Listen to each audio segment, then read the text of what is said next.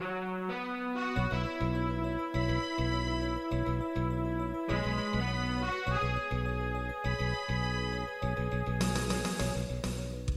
listening to Radio Free Asia. The following program is in Khmer.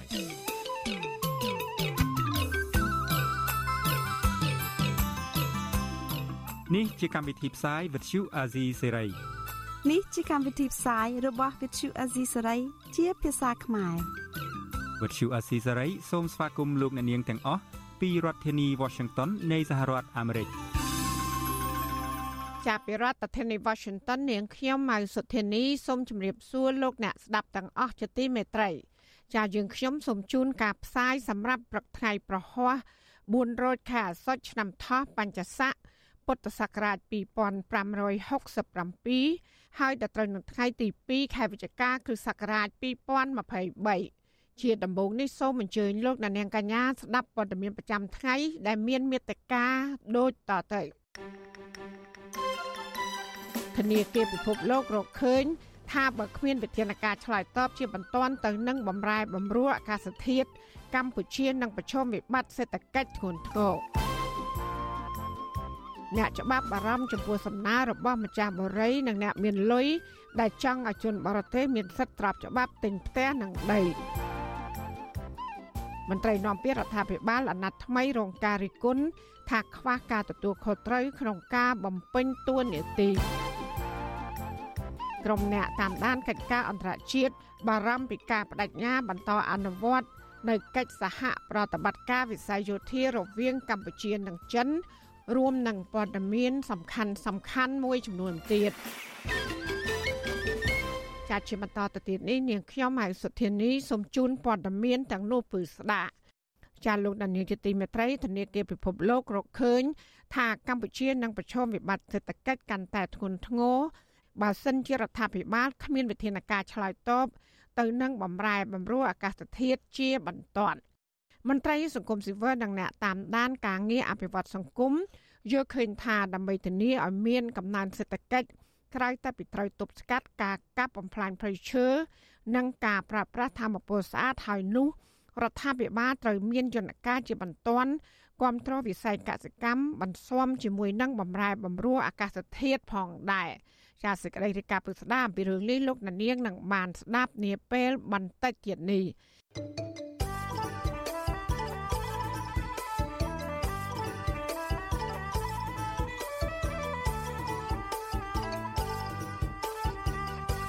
ចាលោកដានៀងជាទីមេត្រីដែលឡាយតាក់ទងនឹងសំណើរបស់ម្ចាស់បរិយនិងអ្នកមានលុយវិញអ្នកច្បាប់ថាការបង្កើតច្បាប់អនុញ្ញាតឲ្យជនបរទេសមានសិទ្ធិស្របច្បាប់ទិញដីនិងផ្ទះនៅក្នុងគម្រោងបរិយអាចបង្កគ្រោះថ្នាក់ធ្ងន់ធ្ងរដល់ប្រទេសជាតិការលើកឡើងនេះនៅបន្ទាប់ពីក្រុមអង្គការធំធំនៅប្រទេសកម្ពុជា កំពុងស្នើសុំឲ្យមានច្បាប់នេះចាប់ពីរដ្ឋធានី Washington អ្នកត្រីសុជីវីរាយការណ៍ព័ត៌មាននេះ អ្នកច្បាប់យល់ឃើញថាក្រុមអង្គការដែលចង់ឲ្យបរទេសមានសិទ្ធិស្របច្បាប់ទិញដីនិងផ្ទះធ្វើជាកម្មសិទ្ធិនិងបង្កហានិភ័យដល់អធិបតេយ្យជាតិអ្នកសិក្សាផ្នែកច្បាប់លោកវ៉ាន់ចាន់ឡូតប្រាប់វិទ្យុអាស៊ីសេរីកាលពីថ្ងៃទី1ខែវិច្ឆិកាថាប្រសិនបើកម្ពុជាបង្កើតច្បាប់ថ្មីអនុញ្ញាតឲ្យជនបរទេសមានសិទ្ធិទិញដីនិងផ្ទះធ្វើជាកម្មសិទ្ធិផ្ទាល់ខ្លួន ដោយសេរីដោយពលរដ្ឋខ្មែរដែរនឹងធ្វើឲ្យកាន់តែងាយស្រួលសម្រាប់ក្រុមអក្រិតជន ដើម្បីមកលាងលុយកខ្វក់តាមរយៈរូបភាពវិនិយោគលើវិស័យអចលនទ្រព្យហើយនឹងធ្វើឲ្យកាន់តែស្មុគស្មាញខ្លាំងក្នុងការគ្រប់គ្រងអធិបតេយ្យជាតិវាធ្វើឲ្យប៉ះពាល់ទៅដល់បញ្ហាអធិបតេយ្យភាពនៃប្រទេស ជាពិសេសគឺការគ្រប់គ្រងពីព្រោះកាលណាទៅជនបរទេសគេមានទ្រព្យសម្បត្តិគេមានអីបានពេញសិទ្ធពេញទីហើយ មានន័យថាគឺគេអាចនឹងប្រើប្រាស់របស់ទាំងអស់នោះបើសិនជាមានចេតនាអាក្រក់ណាមួយជាពិសេសគឺប្រទេសជិតខាងអានោះគេអាចនឹងកើននៅតាមរយៈរូបភាពហ្នឹងការលើកឡើងនេះធ្វើឡើងបន្ទាប់ពីរដ្ឋមន្ត្រីក្រសួងរៀបចំដែនដីនគររូបនីយកម្មនិងសំណង់លោកសាយសំអាល់ បានបញ្ជូនសំណើមួយចំនួនពីសមាគមអ្នកអភិវឌ្ឍលំនៅឋានកម្ពុជា ទៅឲ្យលោកនាយករដ្ឋមន្ត្រីហ៊ុនម៉ាណែតពិនិត្យនេះបើតាមការចុះផ្សាយពីខាងសមាគមអ្នកអភិវឌ្ឍលំនៅឋានដែលជាក្រុមអង្គការរកស៊ីខាងវិស័យអចលនទ្រព្យកាលពីថ្ងៃទី23ខែតុលាប្រធានសមាគមអ្នកអភិវឌ្ឍលំនៅឋាន លោកអង្គញាលីហួរបានដឹកនាំក្រុមអង្គការជាច្រើនរូបទៅជួបពិភាក្សាជាមួយរដ្ឋមន្ត្រីក្រសួងដែនដី ស្ដីពីស្ថានភាពវិស័យសំណង់ដែលកំពុងប្រឈមបញ្ហា ដើម្បីស្វែងរកហេរញ្ញប្បទានជួយដល់វិស័យនេះរួមទាំងការពិភាក្សាលើទស្សនវិជ្ជាច្បាប់ដើម្បីអនុញ្ញាតឲ្យជនបរទេសមានសិទ្ធិស្របច្បាប់ទិញលំនៅឋាននិងដីនៅក្នុងគម្រោងបុរីជុំវិញបញ្ហានេះវិទ្យុអាស៊ីសេរីមិនអាចសូមការបំភ្លឺពីអ្នកនាំពាក្យក្រសួងរៀបចំដែនដីនគររូបនីយកម្មនិងសំណង់លោកសេងលូត និងប្រធានអង្គភិបអ្នកនាំពាក្យរដ្ឋាភិបាលលោកប៉ែនបូណានិងមន្ត្រីសមាគមអ្នកអភិវឌ្ឍលំនៅឋានកម្ពុជាបានទេកាលពីថ្ងៃទី1ខែវិច្ឆិកាជុំវិញរឿងនេះអ្នកជំនាញទីផ្សារចលនាទ្រព្យឲ្យដឹងថាជនបរទេសដែលអាចទិញដីទិញផ្ទះឬខុនដូត្រូវពឹងពលរដ្ឋខ្មែរឲ្យចូលឈ្មោះជាអ្នកទិញជំនួសឬត្រូវទទួលបានសញ្ជាតិខ្មែរជាមុនសិនប៉ុន្តែមិនអាចទិញយកផ្ទះឬខុនដូនៅជាន់ផ្ទាល់ដី ឬជាន់ក្រោមដីឡើយ ច្បាប់ស្តីពីការផ្ដល់សិទ្ធិកម្មសិទ្ធិទៅលើចំណែកឯកជននៃអាគារសហកម្មសិទ្ធិដល់ជនបរទេសដែលព្រះមហាក្សត្រចេញព្រះរាជក្រមប្រកាសឲ្យប្រើតាំងពីខែឧសភាឆ្នាំ2010ក៏ចែងឲ្យជនបរទេសអាចធ្វើជាសហកម្មសិទ្ធិនៃអាគារចាប់ពីជាន់ទី1ឡើងទៅ គឺមិនអនុញ្ញាតឲ្យធ្វើជាសហកម្មសិទ្ធិជាន់ផ្ទាល់ដី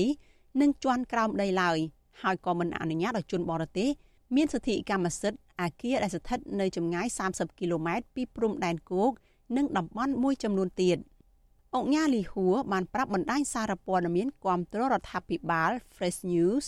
ថាការស្នើទៅរដ្ឋាភិបាលពិនិត្យលើទស្សនវិជ្ជាច្បាប់អនុញ្ញាតឲ្យជនបរទេសអាចទិញដីនិងផ្ទះនៅក្នុងបរិយាគ្រាន់តែជាការរិះរកច្រកចេញជួយទៅដល់ក្រុមហ៊ុនអចលនទ្រព្យដែលកំពុងប្រឈមបញ្ហាសេដ្ឋកិច្ចលោកបញ្ជាក់ថាការដាក់សំណើនេះដើម្បីឲ្យរដ្ឋាភិបាលជួយសិក្សាថាតើជាសំណើសមស្របទៅនឹងរដ្ឋធម្មនុញ្ញដែរឬទេ ទោះជាយ៉ាងណាអ្នកច្បាប់លោកវ៉ាន់ចាន់ឡូតយល់ឃើញថា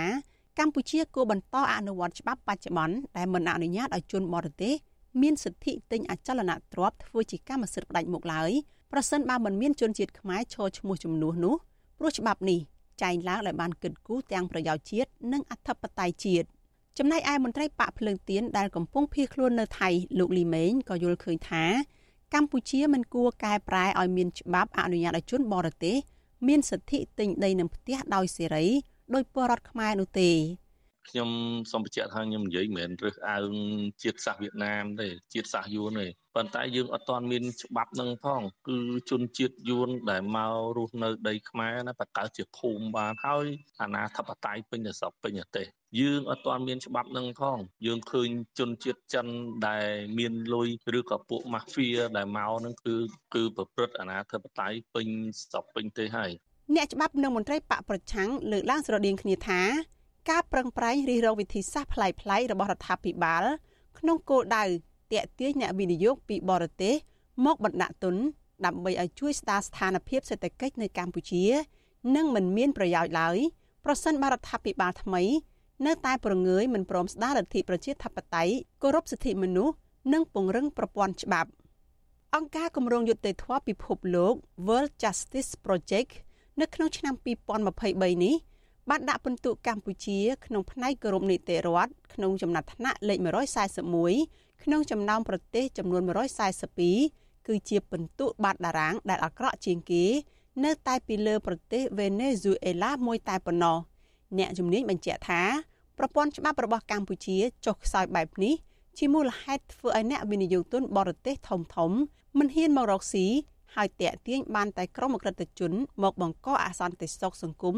ដោយសពថ្ងៃនេះនាងខ្ញុំសុជីវីវិទ្យុអាស៊ីសេរី ពីរដ្ឋធានី Washington ចាលោកនានីជាទីមេត្រីកម្ពុជានិងចិន បន្តប្រកាសបដិញ្ញាក្នុងការរឹតចំណងមិត្តភាពដែកថែបក្នុងក្របខ័ណ្ឌវិស័យយោធាឲ្យកាន់តែខ្លាំងក្លានិងស៊ីជម្រៅដោយបានអះអាងថាដើម្បីរួមចំណែកការពារសន្តិភាពសន្តិភាព និងស្ថិរភាពពិភពលោកចាស់ក្រុមអ្នកតាមដានកិច្ចការអន្តរជាតិ ព្រមានអំពីផលប៉ះពាល់នឹងការទទួលរងសម្ពាធផ្នែកនយោបាយការទូតកាន់តែខ្លាំងដោយសារតែកម្ពុជាហាក់ផ្អៀងទៅរកចិនតែម្ខាងខណៈប្រទេសចិនរងការរិះគន់ថាមានមហិច្ឆតាពង្រីកអធិបតេយ្យនយោបាយនិងយោធារបស់ខ្លួននៅកម្ពុជា ចាលោកទីនザការីយ៉ារាយការណ៍ព័ត៌មាននេះអ្នកជំនាញកិច្ចការអន្តរជាតិនិងអ្នកតាមដានពិភពសាស្ត្រនយោបាយលើកឡើងស្របគ្នាថាកិច្ចសហប្រតិបត្តិការរវាងកម្ពុជានិងចិន មានសារៈសំខាន់ក្នុងការជំរុញឲ្យមានការអប់រំបណ្ដោះបណ្ដាលជំនាញកងទ័ពនិងការផ្លាស់ប្តូរបទពិសោធន៍រវាងកងទ័ពនៃប្រទេសទាំងពីរទោះបីជាយ៉ាងណាពួកគេប្រមានថាការដែលកម្ពុជាបន្តផ្អៀងខ្លាំងទៅរកប្រទេសចិនតែម្ខាងនឹងធ្វើឲ្យបណ្ដាប្រទេសលោកសេរីនឹងបន្តសង្ស័យកាន់តែខ្លាំងពាក់ព័ន្ធនឹងរឿងវត្តមានយោធាចិនដែលបោះទីតាំងឈរជើងនៅកម្ពុជាការលើកឡើងនេះឆ្លងពេលដែលរដ្ឋមន្ត្រីក្រសួងការពារជាតិលោកទាសីហា បានដឹកនាំមន្ត្រីយោធាកម្ពុជាកម្ពុជាទៅទស្សនកិច្ចនៅប្រទេសចិនចំនួន4ថ្ងៃចាប់ពីថ្ងៃទី29ដុល្លារដល់ថ្ងៃទី1វិច្ឆិកាដើម្បីពង្រឹងកិច្ចសហប្រតិបត្តិការយោធានិងចូលរួមវេទិកាសៀងសាន លើកទី10នៅប្រទេសចិនក្នុងជំនួបទ្វេភាគីជាមួយអនុប្រធានគណៈកម្មាធិការយោធាមជ្ឈិមនៃប្រទេសកុម្មុយនីសចិនលោកហ៊ឺវីដុងនៅថ្ងៃទី1វិច្ឆិការដ្ឋមន្ត្រីការពារជាតិលោកទីសីហាថ្លែងថា ការដែលលោកដឹកនាំប្រតិភូមកបំពេញទស្សនកិច្ច នៅប្រទេសចិននិងការចូលរួមវេទិកាប្រចាំឆ្នាំរបស់ចិននាពេលនេះកងទ័ពនៃប្រទេសទាំងពីរនិងពង្រឹងកិច្ចសហប្រតិបត្តិការលើវិស័យយោធាទ្វេភាគីឲ្យបានកាន់តែស៊ីជម្រៅលោកទាសីហាចាត់ទុកប្រទេសចិនថា ជាអ្នកមានគុណនិងយកចិត្តទុកដាក់សម្រាប់កម្ពុជាតាមរយៈការផ្តល់សម្ភារៈបរិខាពេទ្យឱសថក្នុងអំឡុងពេលមានជំងឺរាតត្បាតសកលគឺជំងឺ Covid-19 ក្រៅពីនេះលោកទាសីហាក៏ថ្លែងនៅលើវេទិកាសៀងសានលើកទី10នេះដោយអះអាងថាកម្ពុជានៅតែប្រកាន់ជំហរនយោបាយអព្យាក្រឹតនិងប្រឆាំងចំពោះការគំរាមកំហែងឬការប្រើប្រាស់កម្លាំងនៃទំនាក់ទំនងអន្តរជាតិណាមួយដែលជ្រៀតជ្រែកកិច្ចការផ្ទៃក្នុងរបស់កម្ពុជាវេទិកាសៀងសានរបស់ប្រទេសចិននាឆ្នាំនេះធ្វើឡើងក្រោមប្រធានបទសន្តិសុខរួមសន្តិភាពយូរអង្វែងនិងទំនួលខុសត្រូវរបស់ប្រទេសមហាអំណាចធំធំ សម្រាប់កិច្ចសហប្រតិបត្តិការសន្តិសុខសកលវេទិកាសៀងសានគឺជាវេទិកាប្រចាំឆ្នាំរបស់ចិនដែលរងការរិះគន់ថារៀបចំឡើងក្រោមរបៀបនយោបាយដើម្បីពង្រីកឥទ្ធិពលនិងយោធារបស់ចិននៅក្នុងតំបន់និងពិភពលោកទោះជាណារដ្ឋមន្ត្រីការពារជាតិសហរដ្ឋអាមេរិកលោក Lloyd Austin និងរដ្ឋមន្ត្រីការពារជាតិនៃបណ្ដាប្រទេសលោកសេរីមួយចំនួនទៀតពុំបានចូលរួមនៅក្នុងវេទិកាចិននេះឡើយ អ្នកជំនាញផ្នែកវិទ្យាសាស្ត្រនយោបាយនិងកិច្ចការអន្តរជាតិលោកអែមសវណ្ណរាយល់ឃើញថាការចូលរួមរបស់កម្ពុជាក្នុងវេទិកាចិននេះនឹងបន្តពង្រឹងកិច្ចសហប្រតិបត្តិការលើវិស័យយោធាហើយនឹងអាចជំរុញឲ្យកងទ័ពកម្ពុជាទទួលបានការអប់រំសមត្ថភាពបន្ថែមទៀតទោះជាបែបនេះក្តីលោករំលឹកថាកម្ពុជានឹងមិនអាចជៀសក្នុងការរងសម្ពាធផ្កាទូតនិងភាពតានតឹងផ្នែកនយោបាយជាមួយបណ្ដាប្រទេសលោកសេរីឡើយបើសិនជាកម្ពុជាផ្អៀងខ្លាំងទៅប្រទេសចិនតែម្ខាង ហើយកម្ពុជាពុំបានពង្រឹងកិច្ចសហប្រតិបត្តិការជាមួយប្រទេសផ្សេងទៀតជាពិសេសបណ្ដាប្រទេសលោកសេរីនោះ។ កាលណាយើងខ្វះអង្រីកអ្នកទំនងនៅក្នុងក្របខ័ណ្ឌអភិក្រិតមែនតែថាយើងកម្ពុជាជារដ្ឋអធិបតេយ្យមានលទ្ធភាពពង្រីកចំណងតាក់ទងនយោបាយកបទេសគ្រប់បណ្ដារដ្ឋទាំងអស់ទៅលើឆាកអន្តរជាតិក៏ប៉ុន្តែយើងឃើញតែរូបភាពមួយដែលយើងជាមួយនឹងទំនាក់ទំនងជាមួយលោកខាងកើតចិនណាយើងផ្ដោតទៅលើចិនក៏ប៉ុន្តែលោកខាងលិចដូចជាសហរដ្ឋអាមេរិកហើយនិងអឺរ៉ុបនេះយើងថាដូចជាមិនសូវមានទេនឹងកិច្ចសហប្រតិបត្តិការវិស័យលោកយោធាក្រោយឆ្នាំ2017អញ្ចឹងទោះជាយើងថាយើងអភិក្រិតក៏តែអន្តរជាតិឬក៏អ្នកតាមសភាពការអន្តរជាតិគេថាយើងនឹងលំអៀងកិច្ចការហ្នឹងកម្ពុជាគួរតែរៀបខ្លួនយ៉ាងម៉េចឲ្យយើងមកឈរកដាលវិញទៅជាកិច្ចការល្អបាទចំណែកឯនៃវិភាគនយោបាយនិងជាអ្នកខ្លមមើលផ្នែកអភិវឌ្ឍសង្គមបណ្ឌិតមាសនេះលើកឡើងថាកងទ័ពកម្ពុជាទទួលបានផលប្រយោជន៍តិចតួចក្នុងកិច្ចសហប្រតិបត្តិការជាមួយប្រទេសចិនហើយកងទ័ពកម្ពុជាខាត់បងក្នុងការទទួលបានបទពិសោធន៍ថ្មីនិងពង្រីកសមត្ថភាពផ្សេងពីបណ្ដាប្រទេសលោកសេរីលោកក៏ព្រួយបារម្ភដែរថា តាមរយៈកិច្ចសហប្រតិបត្តិការក្របខ័ណ្ឌវិស័យយោធារវាងប្រទេសទាំងពីរនេះនឹងធ្វើឲ្យកម្ពុជារងឥទ្ធិពលពីប្រទេសចិនកាន់តែខ្លាំងខណៈដែលប្រទេសចិននៅតែមានមហិច្ឆតាពង្រីកឥទ្ធិពលយោធារបស់ខ្លួននៅក្នុងតំបន់និងអន្តរជាតិ ប៉ុន្តែការមើលឃើញពីខ្សែភ្នែករបស់ចិនវិញហាក់ដូចជាមានមហិច្ឆតាខុសពីអ្វីដែលកម្ពុជារំពឹងទុកអាចចិនមើលមកកម្ពុជាជាតំបន់ភូមិសាស្ត្រនយោបាយមួយតំបន់អាស៊ីប៉ាស៊ីហ្វិកដូចជាកម្ពុជាអញ្ចឹងតែងតែបដិសេធមិនអនុញ្ញាតវត្តមានកងទ័ពចិននៅក្នុងប្រទេសកម្ពុជាទេចង់រក្សាទំនាក់ទំនងនៅត្រឹមតែសេដ្ឋកិច្ចហើយនិងទំនាក់ទំនងផ្នែកការទូតឬក៏នយោបាយប៉ុន្តែមិនប្រកាសថាចិនគេមើលដូចយើងទេបាទចិនគេអាចនឹងមើលឃើញព្រោះមហាអំណាចគេតែងតែមើលឃើញប្រទេសតូចមួយដូចយើងនេះហួសពីស្អីដែលយើងបានពឹងពីគេបាទបើទោះបីជាកន្លងមកកម្ពុជាតែងតែអះអាងចំពោះការប្រកាន់ចំហអភិជាក្រិតរបស់ខ្លួនក្តីក៏អ្នកជំនាញវាតម្លៃថាកម្ពុជាពុំបានអនុវត្តជាក់ស្ដែងឬរក្សាតលយៈភាពនយោបាយការបរទេសរបស់ខ្លួន តាមរយៈការពង្រឹងកិច្ចសហប្រតិបត្តិការវិស័យយោធាចម្រុះភាគី គួរឲ្យកត់សម្គាល់នោះឡើយហើយកម្ពុជាកាន់តែផ្អៀងនយោបាយនិងសហការលើក្របខ័ណ្ឌយោធាជាមួយប្រទេសចិនកាន់តែខ្លាំងឡើង ជាក់ស្ដែងក្នុងឆ្នាំ2023នេះកម្ពុជានិងចិនបានរៀបចំធ្វើសមយុទ្ធយោធាចំនួន2លើកនិងបដិសេធមិនចូលរួមធ្វើសមយុទ្ធរួមគ្នាជាមួយអាស៊ានដែលរៀបចំដោយប្រទេសឥណ្ឌូនេស៊ីនោះបញ្ហានេះត្រូវបាននិវិភាគមើលឃើញថាប្រហែលជាចិនអអន់សពន្ធចិត្តកម្ពុជាខកខានរៀបចំសមយុទ្ធយោធាជាមួយអាមេរិកនិងអូស្ត្រាលីចាប់តាំងពីឆ្នាំ2016មកដោយសារតែភាគីកម្ពុជាបានសម្រេច លុបចោលសមយុទ្ធយោធានៃប្រទេសលោកសេរីនេះដោយខ្លួនឯងខ្ញុំបាទទីនសាការីយ៉ាអស៊ីសេរី ប្រធានាធិបតី Washington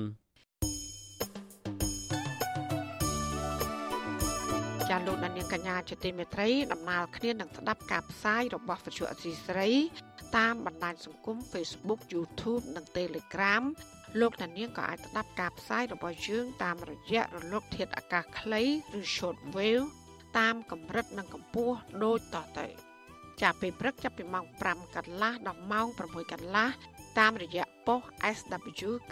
93.90 MHz ស្មើនឹងកម្ពស់ 32m និងប៉ុស SW 11.85 MHz ស្មើនឹងកម្ពស់ 25m ចាសម្រាប់ពេលយប់វិញ គឺចាប់ពីម៉ោង7កន្លះដល់ម៉ោង8កន្លះ គឺតាមរយៈប៉ុស SW 93.30 MHz ស្មើនឹងកម្ពស់ 32m ប៉ុស SW 11.88 MHz ស្មើនឹងកម្ពស់ 25m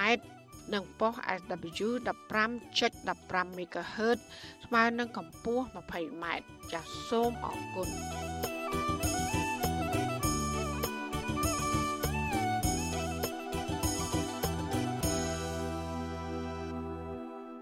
ចាលោកអ្នកស្ដាប់ទទីមេត្រីគណៈកម្មការគ្រប់គ្រងលបែងពាណិជ្ជកម្មកម្ពុជាអះអាងថាឆ្នោតកន្ទុយលេខវៀតណាម និងលូតូអនឡាញគឺជាលបែងខុសច្បាប់ ដែលស្ថាប័នរដ្ឋាភិបាលមិនបានផ្ដល់អាជ្ញាប័ណ្ណឲ្យធ្វើអាជីវកម្មនោះឡើយខណៈដែលលបែងប្រភេទនេះបានធ្វើឲ្យប៉ះពាល់ដល់ជីវភាពបរដ្ឋនៅតាមមូលដ្ឋានផងដែរចាមន្ត្រីសង្គមស៊ីវិលថាក្រសួងថ្នាក់ជាតិ គួរតែពង្រឹងការអនុវត្តច្បាប់របស់អាជ្ញាធរមូលដ្ឋាន ដើម្បីឲ្យការបង្ក្រាបលបែងខុសច្បាប់គ្រប់ប្រភេទធ្វើឡើងដោយប្រសិទ្ធភាពចានេះគឺជាសេចក្តីរាយការណ៍របស់លោកយ៉ងច័ន្ទតារាជំនាញព័ត៌មាននេះឆ្នោតកន្ទុយលេខវៀតណាមនិងឡូតូអនឡាញកំពុងពង្រីកខ្លួនពីទីប្រជុំជនទៅកាន់សហគមន៍គ្រប់ទីកន្លែងដោយអាជ្ញាធរមិនបានដោះស្រាយឲ្យមានប្រសិទ្ធភាពឡើយអគ្គលេខាធិការនៃគណៈកម្មការគ្រប់គ្រងលបែងពាណិជ្ជកម្មលោករស់ភិរុនប្រាប់វិទ្យុអាស៊ីសេរីនៅថ្ងៃទី1ខែវិច្ឆិកាថាឆ្នោតកន្ទុយលេខវៀតណាមនិងឡូតូអនឡាញស្ថិតនៅក្នុងប្រភេទក្រុមលបែងខុសច្បាប់ដទៃទៀតមានដូចជាបៀនិងអាប៉ោងជាដើមហើយគណៈកម្មការគ្រប់គ្រងលបែងពាណិជ្ជកម្មកម្ពុជាមិនបានចេញអាជ្ញាប័ណ្ណឲ្យលបែងប្រភេទនេះប្រកបអាជីវកម្មដោយស្របច្បាប់នោះទេលោកបញ្ជាក់ថាក្រសួងមហាផ្ទៃគឺជាស្ថាប័នដែលត្រូវទទួលខុសត្រូវនៅក្នុងការបង្ក្រាបនិងទប់ស្កាត់ការប្រព្រឹត្តលបែងខុសច្បាប់នេះ វាជាសមត្ថកិច្ចរបស់ក្រសួងមហាផ្ទៃដែលលោកត្រូវបង្ក្រាបនៅក្នុងការអនុវត្តច្បាប់ស្តីពីការបង្ក្រាបបាយទីសងខុសច្បាប់អឺជាភារកិច្ចរបស់គណៈកម្មការនេះគឺនឹងពន្យល់អប់រំណែនាំពីផលប៉ះពាល់ទៅលើលបែងដល់ប្រជាពលរដ្ឋបាទយើងកំពុងតែរៀបចំយុទ្ធនាការនឹងបាទយើងកំពុងធ្វើនៅចា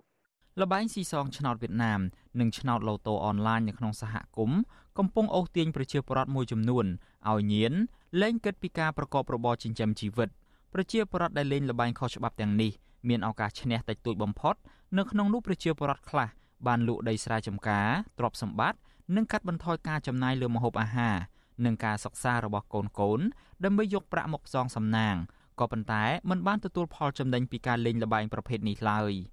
ឆ្នោតវៀតណាមចេញលទ្ធផលមួយថ្ងៃពីរដង និងមាន4ប៉ុស្តិ៍ដោយអ្នកលេងអាចភ្នាល់តាមរយៈបណ្ដាញសង្គម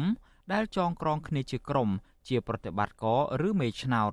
ដោយឡែកចំពោះលបែងឆ្នោតឡូតូវិញ ជាប្រភេទល្បែងដែលបញ្ជាចេញលទ្ធផលតាមម៉ាស៊ីនកុំព្យូទ័រនៅរៀងរាល់5នាទីម្ដងនិងលក់ដោយបើកចំហនៅតាមតូបលក់អីវ៉ាន់និងហាងកាហ្វេវិទ្យុអាស៊ីសេរីមិនអាចតាក់ទងអ្នកនាំពាក្យអគ្គស្នងការដ្ឋាននគរបាលជាតិលោកឆាយកំខឿននិងអ្នកនាំពាក្យក្រសួងមហាផ្ទៃលោកខៀវសុភ័ក្រដើម្បីសុំការបកស្រាយអំពីបញ្ហានេះបាននៅឡើយទេ នៅថ្ងៃទី1ខែវិច្ឆិកាជុំវិញរឿងនេះអ្នកប្រឹក្សាយោបល់ផ្នែកអភិវឌ្ឍភ្នត់គំនិត និងការស្រាវជ្រាវលោកសេកសុជាតិយល់ឃើញថាអាជីវកម្មលបែងស៊ីសងនិងឆ្នោតកន្ទុយលេខខុសច្បាប់នៅក្នុងសហគមន៍មានជាប់ពាក់ព័ន្ធទៅនឹងអាជ្ញាធរមានសមត្ថកិច្ចតាមមូលដ្ឋាន ដែលទទួលសំណូកពីមេឆ្នោតឬប្រតិបត្តិការជាថ្នូវនឹងការធ្វើប្រងើយកន្តើយលោកថាដើម្បីបង្ក្រាបលបែងខុសច្បាប់ទាំងនេះនៅក្នុងសហគមន៍ឲ្យមានប្រសិទ្ធភាពនោះអាជ្ញាធរថ្នាក់ជាតិគួរចោះត្រួតពិនិត្យដើម្បីតាមដានការងាររបស់អាជ្ញាធរថ្នាក់ក្រោម នៅក្នុងការចោះបង្ក្រាបលបែងស៊ីសងក្នុងសហគមន៍ជៀសវាងការទទួលសំណូកពីប្រតិបត្តិការទាំងនោះ។ជាបរដ្ឋនៅតែអាចលេងបានដដែលហើយបើមិនចាត់វិធានការបែបនេះទេទោះបីជាធ្វើ10ឆ្នាំ20ឆ្នាំ100ឆ្នាំទៀតក៏មិនអាចលុបបំបាត់លបែងស៊ីសងខុសច្បាប់នៅក្នុងប្រទេសកម្ពុជាដែរបើសិនជាមានការខុបខិតរវាងអាជ្ញាធរនៅក្នុងមូលដ្ឋានឬក៏សមត្ថកិច្ចនៅក្នុងចំនួនតិចឬក៏ចំនួនច្រើនណាមួយនោះបាទ មាត្រា4នៃច្បាប់ស្តីពីការបង្ក្រាបលបែងស៊ីសងចែងថាជនណាដែលលេងលបែងស៊ីសងនឹងត្រូវផ្ដន្ទាទោសពិន័យជាប្រាក់ពី10000រៀលដល់50000រៀលឬជាប់ពន្ធនាគារពី1សប្តាហ៍ទៅ1ខែករណីមិនរៀងចាលត្រូវផ្ដន្ទាទោសពិន័យជាប្រាក់ពី50000រៀលដល់500,000រៀលនិងដាក់គុកពី1ខែទៅ1ឆ្នាំ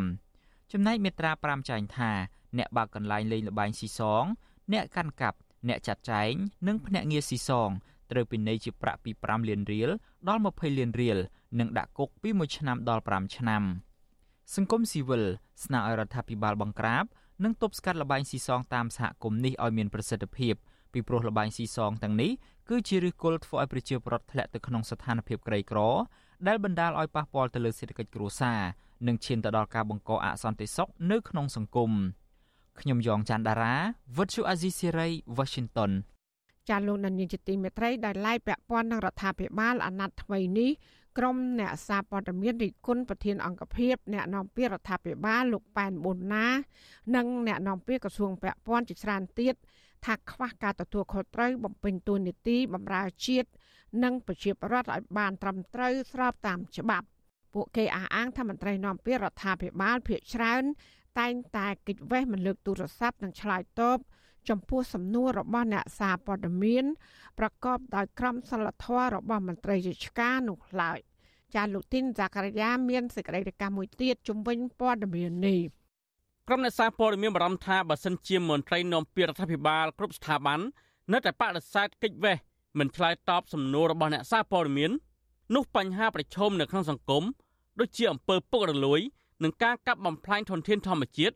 មិនត្រូវបានផ្សព្វផ្សាយឲ្យបានទូលំទូលាយ ដើម្បីជំរុញឲ្យមានដំណោះស្រាយជាវិជ្ជមាននោះឡើយនាយកព័ត៌មាន VOD លោកសុនបានប្រាប់វិទ្យុអាស៊ីសេរីនៅថ្ងៃទី1វិច្ឆិកាថា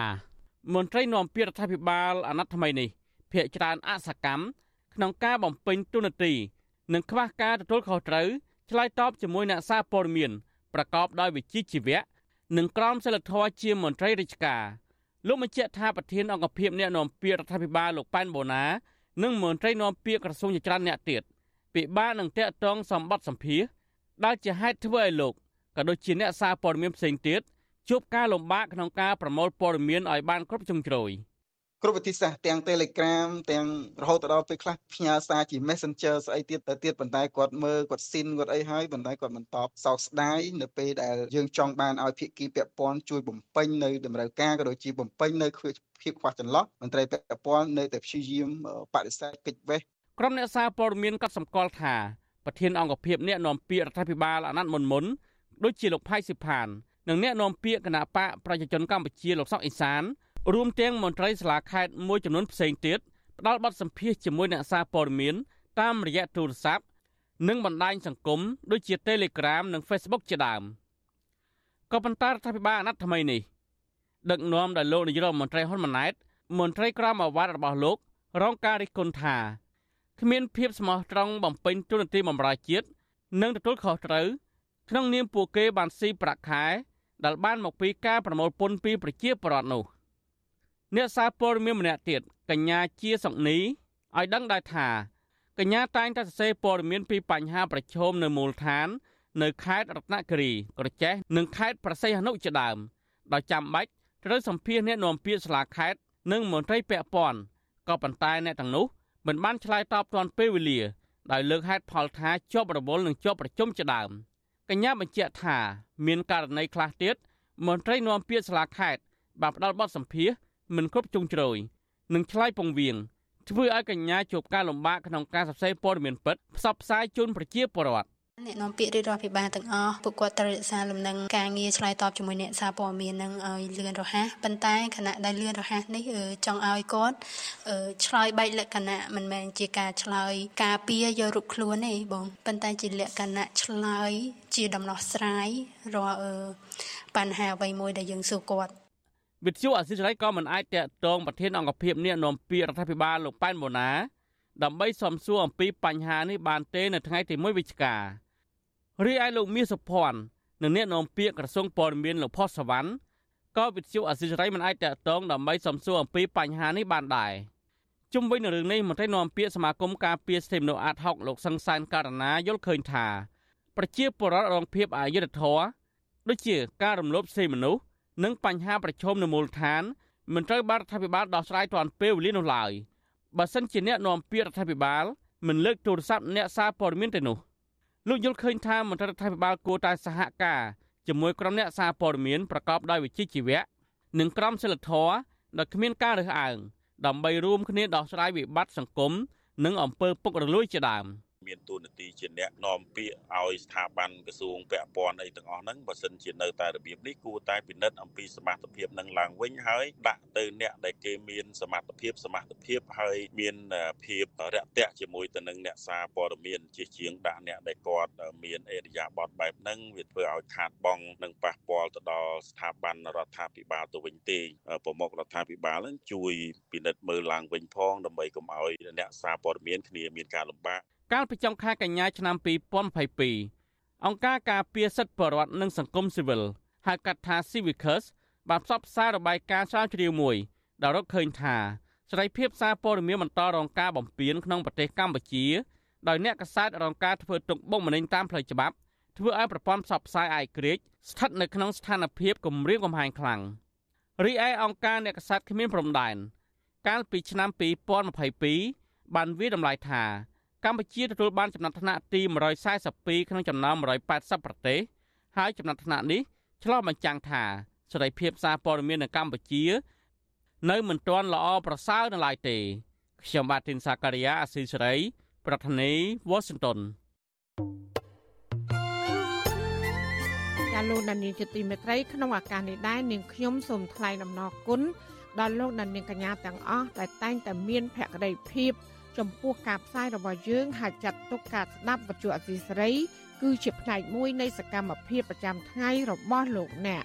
ការគ្រប់គ្រងរបស់លោកដានៀងនេះហើយដែលធ្វើយើងខ្ញុំមានទឹកចិត្តកាន់តែខ្លាំងថែមទៀតក្នុងការស្វែងរកនិងផ្តល់ព័ត៌មានជូនដល់លោកដានៀងចាំមានអ្នកស្ដាប់អ្នកទេសនាកាន់តែច្រើនកាន់តែធ្វើយើងខ្ញុំមានភាពស្វាហាប់មោះមុតជាបន្តទៀតចាយើងខ្ញុំសូមអរគុណទុកជាមុន ហើយក៏សូមអញ្ជើញលោកដានៀងកញ្ញាចូលរួមជំរុញឲ្យសកម្មភាពផ្ដល់ព័ត៌មានរបស់យើងនេះកាន់តែជោគជ័យបន្ថែមទៀតលោកដានៀងអាចជួយយើងខ្ញុំបានដោយគ្រាន់តែចុចចែករំលែកឬ share ការផ្សាយរបស់យើងនេះនៅលើបណ្ដាញសង្គម Facebook និង YouTube ទៅកាន់មិត្តភ័ក្តិដើម្បីឲ្យការផ្សាយរបស់យើងនេះបានទៅដល់មនុស្សកាន់តែច្រើនចាសសូមអរគុណ ចាលោកដានៀងកញ្ញាកំពុងស្ដាប់ការផ្សាយរបស់វិទ្យុអសីស្រីផ្សាយចេញពីរដ្ឋធានី Washington ជំងឺពុកឆ្អឹងកើតឡើង នៅពេលដែលឆ្អឹងកកើតថ្មីมันអាចជំនួសការបាត់បង់កំហាប់ឆ្អឹងចាស់ចាតើមូលហេតុអ្វីបណ្ដាឲ្យកើតជំងឺពុកឆ្អឹងហើយគេអាចមានវិធីណាខ្លះដើម្បីបង្ការនិងព្យាបាលជំងឺមួយនេះ ចាសូមលោកអ្នកនាងកញ្ញារងចាំស្ដាប់សេចក្តីរាយការណ៍ពុស្ដាអំពីរឿងនេះនៅក្នុងនេតិសុខភាពប្រចាំសប្ដាហ៍នាពេលបន្តិចទៀតនេះចាសសូមអរគុណ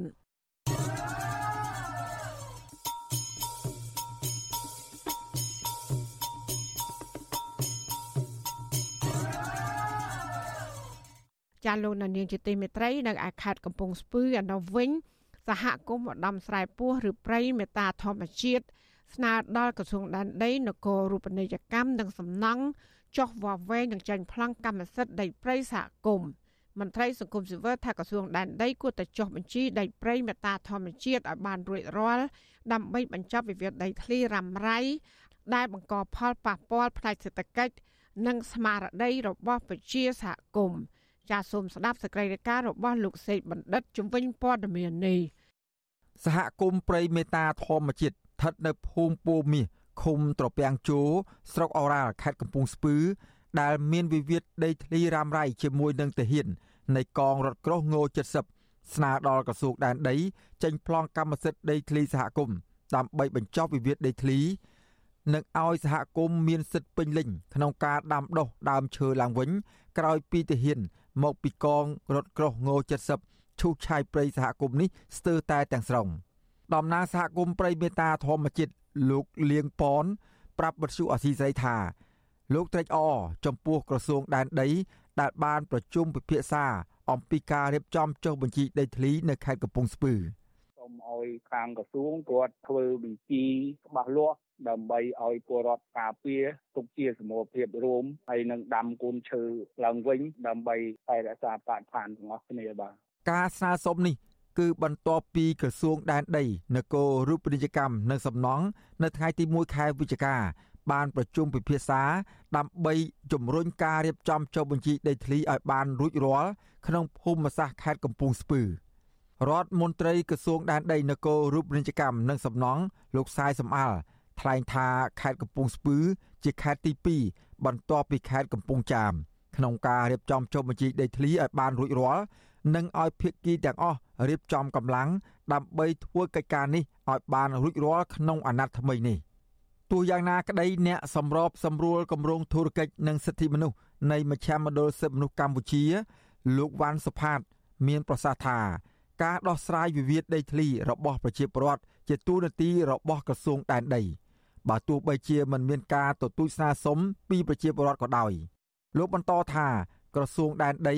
គួរតែដោះស្រាយបញ្ចប់វិវាទដីធ្លីនេះឲ្យបានឆាប់តាមរយៈការចុះវាស់វែងនិងចេញប្លង់កម្មសិទ្ធិដីព្រៃសហគមន៍ខ្ញុំសង្ឃឹមថាទោះបីយ៉ាងណាក៏ដោយក្រសួងដែនដីនគររូបនីយកម្មដែលជាឆ័ត្រនៃ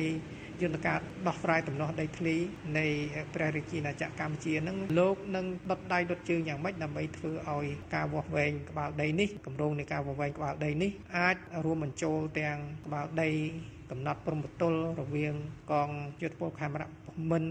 កងរក្រោះង70នឹងនិងប្រជាពលរដ្ឋសហគមន៍ព្រៃមេដាធម្មជាតិនឹងឲ្យបានរត់រាល់ព្រៃសហគមន៍ឧត្តមស្រែពោះឬព្រៃមេតាធម្មជាតិដែលមានទំហំជិត900ហិកតា មានសត្វព្រៃកម្រជាច្រើនប្រភេទរស់នៅរួមមានទោចស្វាកង្កោកមាន់ព្រៃឆ្លុះនិងស្វាជាដើមត្រូវបានក្រុមអ្នកមានអំណាចមន្ត្រីយោធាពលរដ្ឋ និងឈ្មួញខលខូចមួយចំនួនឈូសឆាយទ្រន្ទ្រានដីព្រៃសហគមន៍ដែលធ្វើឲ្យបាត់បង់ព្រៃឈើនិងសត្វព្រៃស្ទើរតែទាំងស្រុងបើទោះបីជាសហគមន៍បានរៀបរៀងការឈូសឆាយនោះ ជាច្រើនលើកច្រើនសារយ៉ាងណាក្តីជាងនេះទៅទៀតមិនត្រឹមតែគ្មានដំណោះស្រាយវិវាទដីធ្លីរវាងសហគមន៍និងទាហាននៃកងរថក្រោះង70នោះទេតំណាងសហគមន៍ព្រៃមេតាធម្មជាតិចំនួន7នាក់ កាលពីថ្ងៃទី18ដុល្លារត្រូវបានតុលាការខេត្តកំពង់ស្ពឺកោះហៅឲ្យមកឆ្លើយបំភ្លឺតាមពាក្យបណ្ដឹងរបស់លោកអៀមម៉ៅដែលបានប្តឹងតំណាងសហគមន៍ក្រោមបទចោទធ្វើឲ្យខូចខាតដោយចេតនាមានស្ថានទម្ងន់ទោសរំលោភកម្មសិទ្ធិគំរាមសម្លាប់និងជេរប្រមាថ ទោះយ៉ាងណាតំណាងសហគមន៍និងមន្ត្រីអង្គការសង្គមស៊ីវិលនៅតែទទូចដល់ក្រសួងដែនដីនគររូបនីយកម្មនិងសំណង់ឲ្យចុះវាស់វែងនិងចេញប្លង់កម្មសិទ្ធិដីព្រៃសហគមន៍ឲ្យបានឆាប់ដើម្បីរកដំណោះស្រាយវិវាទដីធ្លីជូនសហគមន៍ខ្ញុំបាទសេកបណ្ឌិតវុទ្ធុអាស៊ីសេរីពីរដ្ឋធានីវ៉ាស៊ីនតោន ចាលោកអ្នកស្ដាប់ជតិមេត្រីគ្រួសារសកម្មជនខ្មែរក្រោមអះអាងថាអាញាធរវៀតណាមមិនអនុញ្ញាតឲ្យពួកគាត់ទៅជួបផ្ទាល់ជាមួយសកម្មជនខ្មែរក្រោម4នាក់ដែលកំពុងជាប់ឃុំ នៅក្នុងពន្ធនាគាររយៈពេលជាង3ខែមកហើយនោះទេពួកគាត់បន្តទាមទារអាញាធរវៀតណាមដោះលែងឲ្យពួកគេមានត្រីភាពឡើងវិញគ្រួសារសកម្មជនខ្មែរក្រោមលើកឡើង ថាការចាប់ខ្លួនសកម្មជនខ្មែរក្រោមទាំង4នាក់ គឺជាយុទ្ធនាការបង្ក្រាបរបស់អាញាធរវៀតណាមមកលើបរតខ្មែរក្រោមមិនឲ្យធ្វើសកម្មភាពផ្សព្វផ្សាយពិសិដ្ឋនិងវប្បធម៌ខ្មែរគ្រួសារសកម្មជនក៏បានស្នើដល់ប្រដ្ឋខ្មែរទាំងក្នុងនិងក្រៅប្រទេសចូលរួមធ្វើយុទ្ធនាការទាមទារអាញាធរវៀតណាមដោះលែងសកម្មជនទាំងនោះម្ដាយសកម្មជនខ្មែរក្រោមលោកថាច់គឿងគឺលោកស្រីថាច់យឿងថាលោកស្រីមានការព្រួយបារម្ភជាខ្លាំង ដោយសារអស់រយៈពេលជាង3ខែមកនេះលោកស្រីនៅមិនទាន់បានជួបមុខកូនហើយតឡាការក៏នៅមិនទាន់បានបញ្ជាក់អំពីការបរិច្ឆេទជាក់លាក់ថាត្រូវបើកសវនាការជំនុំជម្រះឬក៏ត្រូវដោះលែងកូនលោកស្រីវិញ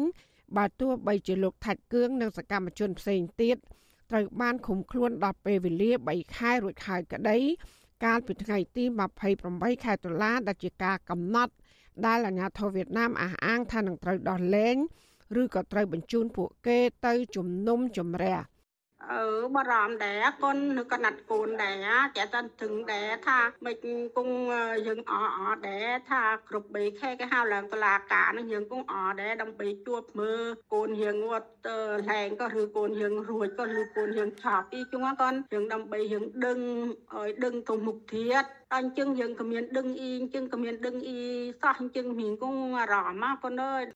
ចំណែកបងថ្លៃរបស់សកម្មជនខ្មែរក្រោមលោកតាវហ្វាងជឿង គឺលោកចៅអិនតាំងថាលោកសោកស្ដាយដែលអាញាធរវៀតណាមមិនអោយក្រុមគ្រួសារនិងសាច់ញាតិចូលជួបសួរសុខទុក្ខក្នុងពន្ធនាគារអាញាធរហាក់ព្យាយាមបិទមិនអោយសាច់ញាតិដឹងព័ត៌មានពីសកម្មជនដែលកំពុងជាប់ឃុំ។ គាត់មិនបានធ្វើអីឲ្យខុសឆ្គងអីទេគ្រាន់តែគាត់ជាអ្នកចែកចាយនៅសភៅសិទ្ធិជនជាតិដើមដែលទទួលស្គាល់ដោយអង្គការសហជីវជាតិហ្នឹងហើយវៀតណាមយើងក៏គាត់បានទទួលស្គាល់សិទ្ធិជនជាតិដើមហ្នឹងដែរហើយបានចែកម្លែកនៅអាវយឺតដែលមាន logo មានកន្លែងបាត់បង់គូបាត់បង់ទឹកដីដូចជា logo 10ធ្នូសិទ្ធិមនុស្សអីអញ្ចឹងសិទ្ធិនារីអីអញ្ចឹងណា លោកចៅអន្តាំងទទួលដល់បរដ្ឋខ្មែរគ្រប់រូបប្រើប្រាស់សិទ្ធិនឹងជួយចូលរួមតវ៉ាដោយសន្តិវិធី ដើម្បីទាមទារអាញាធរវៀតណាមដោះលែងសកម្មជនខ្មែរក្រោមដែលកំពុងជាប់ឃុំទាំងអស់នោះអាញាធរវៀតណាមនៅខេត្តព្រះត្រពាំងនិងខេត្តឃ្លាំងកាលពីថ្ងៃទី31ខែកក្កដាបានចាប់ខ្លួនសកម្មជនខ្មែរក្រោមចំនួន3នាក់រួមមានលោកតាវហ្វាងជឿងលោកថាច់គឿងនិងលោកយ៉ាញ់មិនហ្វាងក្រោមការចាប់ប្រកាន់ពីបទ កេងចំណេញលើសិទ្ធិសេរីភាព និងលទ្ធិប្រជាធិបតេយ្យបំពានលើផលប្រយោជន៍របស់រដ្ឋនិងសិទ្ធិសេរីភាពស្របច្បាប់ នៃអង្គការចាត់តាំងនិងបុគ្គលតាមមាត្រា331នៃក្រមព្រហ្មទណ្ឌរបស់ប្រទេសវៀតណាមដែលឡាយកាលពីថ្ងៃទី3ខែសីហាអាញាធរវៀតណាម បានចាប់ឃុំខ្លួនសកម្មជនខ្មែរក្រោមជាស្ត្រីម្នាក់ទៀតគឺលោកស្រីដិនធីហ្វិនរស់នៅខេត្តឃ្លាំងក្រោមបទចោទ ថាมันបានអនុវត្តតាមសាលក្រមរបស់តុលាការពាក់ព័ន្ធនឹងបញ្ហាដីធ្លីទោះយ៉ាងណាផ្នែកក្រោមអះអាងថាការចាប់ខ្លួនសកម្មជនទាំង4នាក់នោះគឺដោយសារតែអាញាធរវៀតណាមមិនសប្បាយចិត្តចំពោះសកម្មភាពផ្សព្វផ្សាយសៀវភៅប្រវត្តិសាស្ត្រសិទ្ធិមនុស្សសិទ្ធិជនជាតិដើមនិងការបោះពុំអាវយឺតដែលមានទង់ជាតិខ្មែរក្រោមចែកចាយទៅឲ្យបរដ្ឋខ្មែរក្រោមជាដើមកម្មកររោងចក្រនៅខេត្តទួលតាម៉ោក និងជាសកម្មជនខ្មែរក្រោមលោកថាច់ងាលើកឡើង ថាលោកបានចូលរួមសັບផ្សាយសិភៅសិទ្ធិមនុស្សនិងទង់ជាតិខ្មែរក្រោមឲ្យប្រាប់ផ្សេងយល់ដឹង ក្នុងរយៈពេលជាង3ឆ្នាំមកនេះទោះបីការស្គប់សកត់បិទបាំងយ៉ាងណាក៏ដោយយើងខ្ញុំជាសកម្មជនខ្មែរក្រមគ្រប់រូបនេះតែតែធ្វើដើម្បីឲ្យពិភពលោកគេបានស្គាល់ថាយើងខ្ញុំជាខ្មែរក្រមចិនជាតិដើម សិក្សារៀនសូត្រសិទ្ធិមនុស្សនិងសិទ្ធិជនជាតិដើមនេះឲ្យតតែវៀតណាមត្រូវទទួលការពិតបាទជុំវិញរឿងនេះដែរអគ្គលេខាធិការសមាគមខ្មែរកម្ពុជាក្រោមដើម្បីសិទ្ធិមនុស្សនិងការអភិវឌ្ឍលោកបណ្ឌិតសឿនជុំជួន មានប្រសាសន៍នៅថ្ងៃទី1ខែវិច្ឆិកាថាអង្គការសមាគមនិងសកម្មជនខ្មែរក្រោមដែលកំពុងរស់នៅប្រទេសកម្ពុជា បានធ្វើយុទ្ធនាការជារៀងរាល់កន្លះខែម្ដងដោយបានដាក់ញត្តិឬលើកឡើងពីការចាប់ខ្លួនសកម្មជនខ្មែរក្រោមទាំង4នាក់នោះទៅកាន់ស្ថានទូតបរទេសនិងអង្គការការពារសិទ្ធិមនុស្សនានាលោកបណ្ឌិតសឿនជំជួនថាតាមរយៈយុទ្ធនាការទៀមទាននេះអង្គទូតនៃប្រទេសប្រជាធិបតេយ្យខ្លះ ក៏បានទទួលយកញត្តិនិងសន្យាថានឹងលើកឡើងពីបញ្ហារំលោភសិទ្ធិមនុស្សខ្មែរក្រោមជាមួយប្រទេសវៀតណាម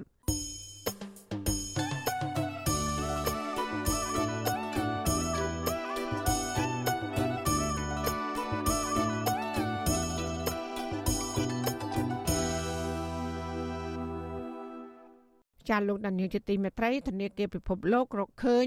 ថាកម្ពុជានឹងប្រឈមវិបត្តិសេដ្ឋកិច្ចកាន់តែធ្ងន់ធ្ងរបើសិនជារដ្ឋាភិបាលគ្មានវិធានការឆ្លើយតបទៅនឹងបំរែបំរួលអាកាសធាតុជាបន្ទាន់មន្ត្រីសង្គមស៊ីវិលនិងអ្នកតាមដានការងារអភិវឌ្ឍសង្គមយល់ឃើញថាដើម្បីធានាឲ្យមានកំណើនសេដ្ឋកិច្ចក្រៅតែពីត្រូវទប់ស្កាត់ការកាប់បំផ្លាញព្រៃឈើនិងការប្រើប្រាស់ធម្មពលស្អាតហើយនោះ រដ្ឋាភិបាលត្រូវមានយន្តការជាបន្ទាន់គ្រប់គ្រងវិស័យកសិកម្មបន្ស៊ាំជាមួយនឹងបំរែបំរួលអាកាសធាតុផងដែរចាប់ពីរដ្ឋធានី Washington អ្នកស្រីសុជីវី មានសេចក្តីរាយការណ៍ពិស្ដារជំវិញព័ត៌មាននេះដូចតទៅ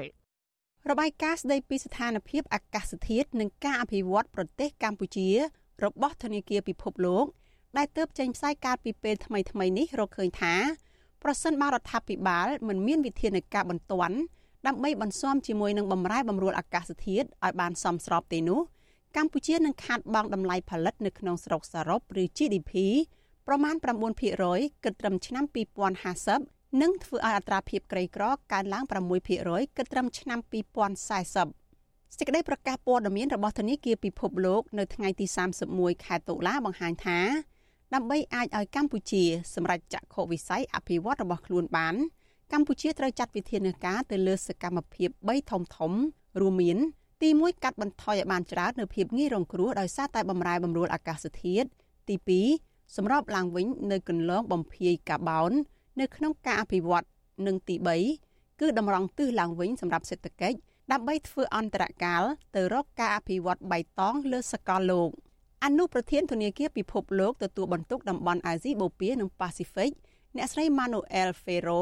លើកឡើងថាដើម្បីស្ដារឡើងវិញចំពោះការខាត់បងដោយសារតែជំងឺឆ្លងរាតត្បាត ការកើនឡើងនៃតម្លៃចំណីអាហារនិងប្រេងឥន្ធនៈកម្ពុជាត្រូវរក្សាកំណើនសេដ្ឋកិច្ចខ្ពស់ខណៈត្រូវទប់ស្កាត់ផលប៉ះពាល់នានាបណ្ដាលមកពីប្រែប្រួលអាកាសធាតុនៅលើផ្នែកសេដ្ឋកិច្ចនិងការកាត់បន្ថយការបំភាយឧស្ម័នកាបូន របាយការណ៍ស្រាវជ្រាវនេះក៏បានសង្កត់ធ្ងន់ដែរថារបៀបនៃការអភិវឌ្ឍឬរបៀបនៃការសាងសង់សំណង់ថ្មីៗនៅកម្ពុជា បានធ្វើឲ្យអ្នកទីតាំងលំនៅថ្មីនៅក្នុងទីក្រុងងាយរងគ្រោះពីទឹកជំនន់ហើយក៏រួមចំណែកធ្វើឲ្យមានការប្រែប្រួលអាកាសធាតុដែរបន្ថែមពីនេះរបាយការណ៍ក៏បានព្យាករណ៍ថាបំរែបំរួលអាកាសធាតុនឹងធ្វើទិន្នផលដំណាំសំខាន់សំខាន់និងជលផលធ្លាក់ចុះដែលអាចបង្កបញ្ហាប្រឈមដល់សន្តិសុខស្បៀង និងអាហារូបត្ថម្ភទៀតផងខណៈសីតុណ្ហភាពឡើងកាន់តែខ្ពស់ភ្លៀងធ្លាក់ខ្លាំងនិងធ្វើឲ្យប៉ះពាល់កាន់តែធ្ងន់ធ្ងរដល់សុខភាពពលរដ្ឋជុំវិញរឿងនេះនិស្សិតជំនាញកសិកម្មឆ្នាំទី4នៃសាកលវិទ្យាល័យស្វាយរៀងលោកខុនប្រពៅយល់ឃើញថាដើម្បីទប់ស្កាត់ផលប៉ះពាល់ពីបំរែបំរួលអាកាសធាតុទៅលើវិស័យកសិកម្មរដ្ឋាភិបាលត្រូវមានយន្តការគាំពៀវិស័យកសិកម្មជាបន្ទាន់ តាមរយៈការផ្តល់ជំនួយបច្ចេកទេសកសិកម្មទំនើបផលិតពូជថ្មីដែលមានភាពធន់ជាមួយអាកាសធាតុនិងឧបត្ថម្ភទុនជាសាច់ប្រាក់ទៅដល់កសិករជាដើម។លោកបន្ថែមថាដោយសារវិស័យកសិកម្មមានតួនាទីសំខាន់ដើម្បីធានាសវត្ថិភាពស្បៀងនិងកំណើនសេដ្ឋកិច្ចដូច្នេះរដ្ឋាភិបាលគួរផ្ដល់ជំនួយនិងលើកទឹកចិត្តទៅដល់កសិករនៅក្នុងស្រុកជាជាងជំរុញឲ្យមានការនាំចូលផលិតផលកសិកម្មបន្លែត្រីសាច់ពីបរទេស។ ដើម្បីជួយដល់វិស័យកសិកម្មជួយដល់ប្រជាជននៅពេលដែលមានការប្រែប្រួលអាកាសធាតុទី1ធំជាងគេយើងចំណាយថវិកាទៅលើការសម្របខ្លួនទៅតាមវាបងឧទាហរណ៍ថាឥឡូវបើសិនជាយើងក្តៅជាងមុនអញ្ចឹងយើងចង់ដាំបន្លែដាំអីយើងមានរោងផ្ទះសំណាញ់មានអីយើងកំណត់សីតុណ្ហភាពក្នុងរោងអីដើម្បីសម្របទៅតាមអាកាសធាតុវិញម្ដងដើម្បីដាំបន្លែឬក៏ផ្លែឈើអីបាន វិទ្យុអាស៊ីសេរីមិនអាចតកតងแนะនាំពាក្យក្រសួងបរិស្ថានលោកផៃប៊ុនឈឿនដើម្បីសុំការបកស្រាយជុំវិញរឿងនេះបានទេ នៅថ្ងៃទី1ខែវិច្ឆិកាទោះជាយ៉ាងណារដ្ឋមន្ត្រីក្រសួងធនធានទឹកនិងអូតូនិយមលោកថោជាថាដែលបានចូលរួមកម្មវិធីផ្សព្វផ្សាយរបាយការណ៍ស្ថានភាពអាកាសធាតុនិងការអភិវឌ្ឍរបស់ប្រទេសកម្ពុជា កាលពីថ្ងៃទី31ខែតុលា បានយល់ស្របទៅនឹងការរកឃើញថាការប្រែប្រួលអាកាសធាតុគឺធ្វើឲ្យបរិយាកាសកាន់តែអាក្រក់ បណ្ដាលឲ្យមានទឹកជំនន់និងគ្រោះរាំងស្ងួតធ្ងន់ធ្ងរលោកបន្តថាដោយសារហេដ្ឋារចនាសម្ព័ន្ធស្តុកទឹកនៅកម្ពុជាភាគច្រើនមានអាយុកាលយូរមិនមានការជួសជុលនិងថែទាំដិតដល់ផងនោះទើបបណ្ដាលឲ្យងាយមានទឹកជំនន់និងគ្រោះរាំងស្ងួតជុំវិញរឿងនេះប្រធានផ្នែកស្រាវជ្រាវនឹងតស៊ូមតិនៃសមាគមបណ្ដាញយុវជនកម្ពុជាលោកហេងកំហុងយល់ឃើញថារបាយការណ៍ស្ថានភាពអាកាសធាតុនិងការអភិវឌ្ឍរបស់ប្រទេសកម្ពុជានេះ គឺជាការចង្អុលបង្ហាញផ្លូវបន្ថែមទៀតទៅកាន់រដ្ឋាភិបាលកម្ពុជា អំពីសារៈសំខាន់នៃការការពារគម្របព្រៃឈើនិងការប្រើប្រាស់ធម្មពលស្អាត។ កម្ពុជាអាចធ្វើទៅបានបើខ្ញុំចុះប្រចាំងទៅលើស្ថានភាពនេះពេលបច្ចុប្បន្នហើយខ្ញុំរំពឹងថារដ្ឋាភិបាលនឹងអនុវត្តឲ្យបានល្អប្រសើរនៅទិសដៅគោលនយោបាយរបស់ខ្លួនរួមមានការអនុវត្តកម្មវិធីព្យាករណ៍កាបូនឲ្យបានម៉ឺងម៉ាត់ត្រឹមឆ្នាំ2050ការថែរក្សាគម្របព្រៃឈើឲ្យបានល្អប្រសើរហើយនឹងទប់ស្កាត់ការបំផ្លិចបំផ្លាញដែលជាកត្តាធ្វើឲ្យមានការសឹករិចរិលនៅគម្របព្រៃឈើរបស់ខ្លួននិងការចូលរួមជំរុញឲ្យមានការប្រព្រឹត្តធម្មពលស្អាតនៅក្នុងវិស័យធម្មពល ជុំវិញរឿងនេះដែរអ្នកសិក្សាផ្នែកច្បាប់និងជាអ្នកតាមដានស្ថានភាពសង្គមលោកលីច័ន្ទដារាវុធលើកឡើងថាតាមរយៈរបាយការណ៍ស្ដីពីបំរែបំរួលអាកាសធាតុនិងផលប៉ះពាល់នេះបញ្ជាក់យ៉ាងច្បាស់ថា ការលុបបឹងទន្លេ ដើម្បីសាងសង់ផ្ទះនិងពុះដីឡូដើម្បីលក់និងបង្កឲ្យមានទឹកជំនន់ដែលធ្វើឲ្យប៉ះពាល់ដល់ជីវភាពប្រជាពលរដ្ឋលោកបន្ថែមថាដើម្បីចូលរួមកាត់បន្ថយបំរែបំរួលអាកាសធាតុរដ្ឋាភិបាលនិងអាជ្ញាធរពាក់ព័ន្ធ គួរបញ្ឈប់ការគម្រាមកំហែងទៅលើសកម្មជនបរិស្ថាន ជាពិសេសសកម្មជនសហគមន៍ព្រៃឈើដែលតែងតែស្ម័គ្រចិត្តចូលរួមការពារព្រៃឈើនៅក្នុងសហគមន៍របស់ពួកគេ។ក ន្លងមកយើងឃើញថារដ្ឋាភិបាលហ្នឹងបាននិយាយថាខ្លួនហ្នឹងមិនមានធនធានគ្រប់គ្រាន់ទេនៅក្នុងការការពារបរិស្ថាននិងឧទាហរណ៍ដូចជាឧស្សាហនរៈម្នាក់ត្រូវមើលដីព្រៃរាប់ពាន់ហិកតាដែលគឺគាត់ហ្នឹងមិនមានលទ្ធភាពមើលគ្រប់ជ្រុងជ្រោយដូច្នេះវាបង្ហាញអំពីតម្រូវការចាំបាច់នៅក្នុងការរដ្ឋាភិបាលបើកឲ្យមានប្រជាពលរដ្ឋហ្នឹងចូលរួមការពារបរិស្ថានតើតើមានប្រជាពលរដ្ឋចូលរួមការពារទៅការការពារអាចឲ្យនៅអំពើពុករលួយដែលបំផ្លិចបំផ្លាញបរិស្ថានថ្មីបានច្រើន ក្រៅពីផ្ដោតទៅលើផលប៉ះពាល់នៃបំរែបំរួលអាកាសធាតុនិងវិធីសាស្ត្រកាត់បន្ថយការបំភាយឧស្ម័នផ្ទះកញ្ចក់ហើយនោះរបាយការណ៍របស់ធនាគារពិភពលោកនេះក៏លើកឡើងពីភាពងាយដួលរលំរបស់សេដ្ឋកិច្ចកម្ពុជាដែលពឹងផ្អែកខ្លាំងទៅលើទីផ្សារនាំចេញ និងប្រភពហិរញ្ញវត្ថុពីបរទេសផងដែរធនាគារពិភពលោកបានលើកជាអនុសាសន៍ថាដើម្បីរក្សាបានកំណើនសេដ្ឋកិច្ចនិងការអភិវឌ្ឍប្រកបដោយចីរភាព កម្ពុជាគួរតែកែតម្រូវវិស័យនាំចេញឲ្យមានប្រសិទ្ធភាពសម្រួលបរិយាកាសអំណោយផលល្អសម្រាប់វិស័យឯកជន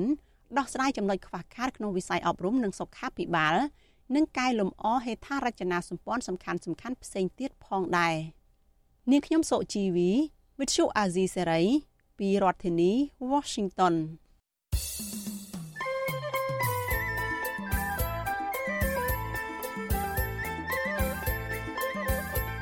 នេតិសុខភាព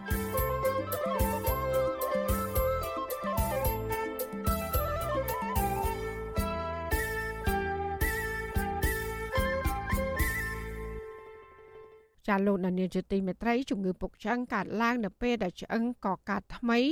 มันអាចជំនួសការបាត់បង់កំហាប់ឆ្អឹងចាស់ជំងឺពុកឆ្អឹងកើតឡើងលើបារោះនិងស្ត្រីគ្រប់ជាតិសាសន៍ដែលមានអាយុចាប់ពី50ឆ្នាំឡើងទៅ ចាស្ត្រីជនជាតិស្បែកសនិងជនជាតិអាស៊ីស្ត្រីអស់រដូវនិងអ្នកលេបថ្នាំសម្រាប់ជំងឺមហារីកគឺមានហានិភ័យខ្ពស់បំផុតនាំឲ្យកើតជំងឺពុកឆ្អឹងតើមូលហេតុអ្វីបណ្ដាលឲ្យកើតជំងឺពុកឆ្អឹងហើយគេអាចមានវិធីណាខ្លះដើម្បីបង្ការនិងព្យាបាលចានៅក្នុងនីតិសុខភាពប្រចាំសប្តាហ៍នេះនាងខ្ញុំសូមរាយការណ៍ជូនពុស្ដាជំនាញព័ត៌មាននេះដូចតទៅ ជំងឺពុកឆ្អឹងបណ្ដាលឲ្យឆ្អឹងស្ពោតកំហាប់ឆ្អឹងឬដង់ស្ទេថយចុះសាច់ឆ្អឹងចុះខ្សោយផុយស្រួយនិងងាយបាក់ការបាក់ឆ្អឹងដោយសារជំងឺពុកឆ្អឹងភាគច្រើនកើតឡើងនៅឆ្អឹងត្រគាកកដៃស្មានិងឆ្អឹងខ្នងឆ្អឹងគឺជាជាលិការស់ដែលជាទូទៅត្រូវបាត់បង់បន្តិចម្ដងបន្តិចម្ដង ដោយសារការវិវត្តវ័យរបស់មនុស្ស ជំងឺពុកឆ្អឹងកើតឡើងនៅពេលដែលឆ្អឹងបង្កើតថ្មី មានបរិមាណតិចតួចมันអាចជំនួសទៅនឹងបរិមាណកំហាប់ឆ្អឹងចាស់ដែលបានបាត់បង់ចាគ្រូពេទ្យជំនាញកុមារខ្មែរអាមេរិកាំងនៅរដ្ឋកាលីហ្វ័រញ៉ាលោកវិជ្ជបណ្ឌិតតាន់សុងមានប្រសាសន៍ប្រាប់បច្ចុប្បន្នស៊ីស្រី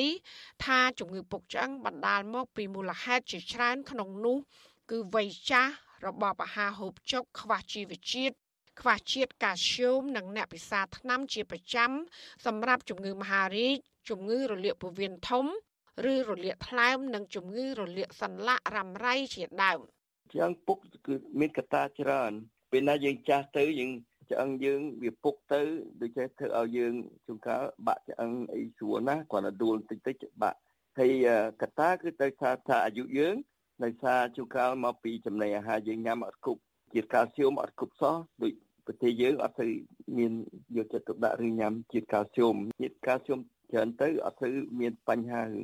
ពុកឆ្អឹងអ្នកខ្លះពិសាថ្នាំដូចថាថ្នាំដូចមហារីកសម្រាប់មហារីកពិសាថ្នាំធ្វើឲ្យពុកដែរអ្នកខ្លះដោយសារចាស់ទៅវាជាតិហូម៉ូនដូចនារីអញ្ចឹងជាតិហូម៉ូនធ្លាក់ចុះអញ្ចឹងទៅវាអាចពុកគេហទំព័រសុខភាព WebMD នៅសហរដ្ឋអាមេរិកឲ្យដឹងបន្ថែមថាក្រៅពីអាយុ របៀបរបបរស់នៅ ការប្រាថ្នាសម្រាប់ជំងឺមហារីកអ្នកដែលមានឪពុកម្ដាយឬបងប្អូនកើតជំងឺពុកឆ្អឹងនិងអ្នកដែលមានរូបរាងឆ្អឹងតូចក៏អាចងាយកើតជំងឺពុកឆ្អឹងនៅពេលចាស់ឡើងនោះដែរក្រៅពីនេះអ្នកជក់បារី អ្នកផឹកស្រាស្ត្រីជនជាតិស្បែកសនិងជនជាតិអាស៊ីស្ត្រីអស់រដូវនិងស្ត្រីកាត់ត្បូនចេញក្រោមអាយុ40ឆ្នាំ គឺងាយប្រថុយប្រឋានខ្ពស់នៃជំងឺពុកឆ្អឹង គេហទំព័រសុខភាពដដែល បន្តថានៅពេលវ័យក្មេងឬជំទង់រហូតដល់អាយុប្រមាណ20ឆ្នាំ គឺជារយៈពេលលូតលាស់ដ៏ឆ្អឹងបានល្អឬហៅថាដំណាក់កាលស្ថាបនាចាប់ពីអាយុ20ឆ្នាំទៅ35ឆ្នាំ គឺជាដំណាក់កាលលំនឹងដោយសារតែការដុសឆ្អឹង និងការបំផ្លាញឆ្អឹងមានបរិមាណស្មើគ្នា ក៏ប៉ុន្តែនៅពេលវ័យកាន់តែចាស់បរិមាណផលិតឆ្អឹងមានតិចតួចជាងការបំផ្លាញដំណាក់កាលនេះខ្លួនប្រាណរបស់មនុស្សមិនត្រឹមតែมันអាចផ្ដល់ជីវជាតិកាល់ស្យូមដល់ឆ្អឹងបាននោះទេក៏ប៉ុន្តែបែរជាទ្រពយកពីឆ្អឹងមកវិញចំពោះមនុស្សប្រុសវិញកំហាប់ឆ្អឹងឬដង់សតេធ្លាក់ចុះបន្តិចម្ដងបន្តិចម្ដងទៅតាមវ័យហើយសម្រាប់មនុស្សស្រីវិញឆ្អឹងបាត់បង់យ៉ាងខ្លាំងនៅពេលអស់រដូវ អត្រាអុកម៉ូនអេស្ត្រូសិនធ្លាក់ចុះនិងកង្វះអុកម៉ូនចូលរួមចំណែកបំផ្លាញឆ្អឹងយ៉ាងខ្លាំងលោកវិជ្ជបណ្ឌិតតាន់សុងឲ្យដឹងទៀតថាអ្នកកើតជំងឺពុកឆ្អឹងគឺអាស្រ័យលើបរិមាណឆ្អឹងដុះលូតលាស់និងស្តុកទុកបានល្អនៅពេលវ័យក្មេង។អ្នកដែលមានកម្រិតឆ្អឹងដុះច្រើនលូតលាស់ល្អពីក្មេងទំនងជាមិនសូវកើតជំងឺពុកឆ្អឹងនៅពេលចាស់នោះឡើយបន្ថែមពីនេះលោកវិជ្ជបណ្ឌិតផ្ដល់ដំបូន្មាន ឲ្យទទួលទានអាហារមានជាតិកាល់ស្យូមច្រើនដើរឬរត់នឹងលើកដុំដែកដើម្បីបង្កើនសាច់ដុំនិងកាត់បន្ថយជំងឺពុកឆ្អឹងយើងការពារខ្លួនតាំងពីនៅតូចពេលកើតមកគឺថាធ្វើម៉េចមហូបអាហារឲ្យយើងល្អដើម្បីមានមូលដ្ឋានសម្រាប់ខ្លួនយើងហ្មងណាដូច្នេះយើងទៅពីតូចទៅគឺថាមួយជីវិតបើអាចធ្វើបានហើយសំខាន់គេពេលនៅក្មេងចឹងហើយកុមារភាពពេលហ្នឹងត្រូវ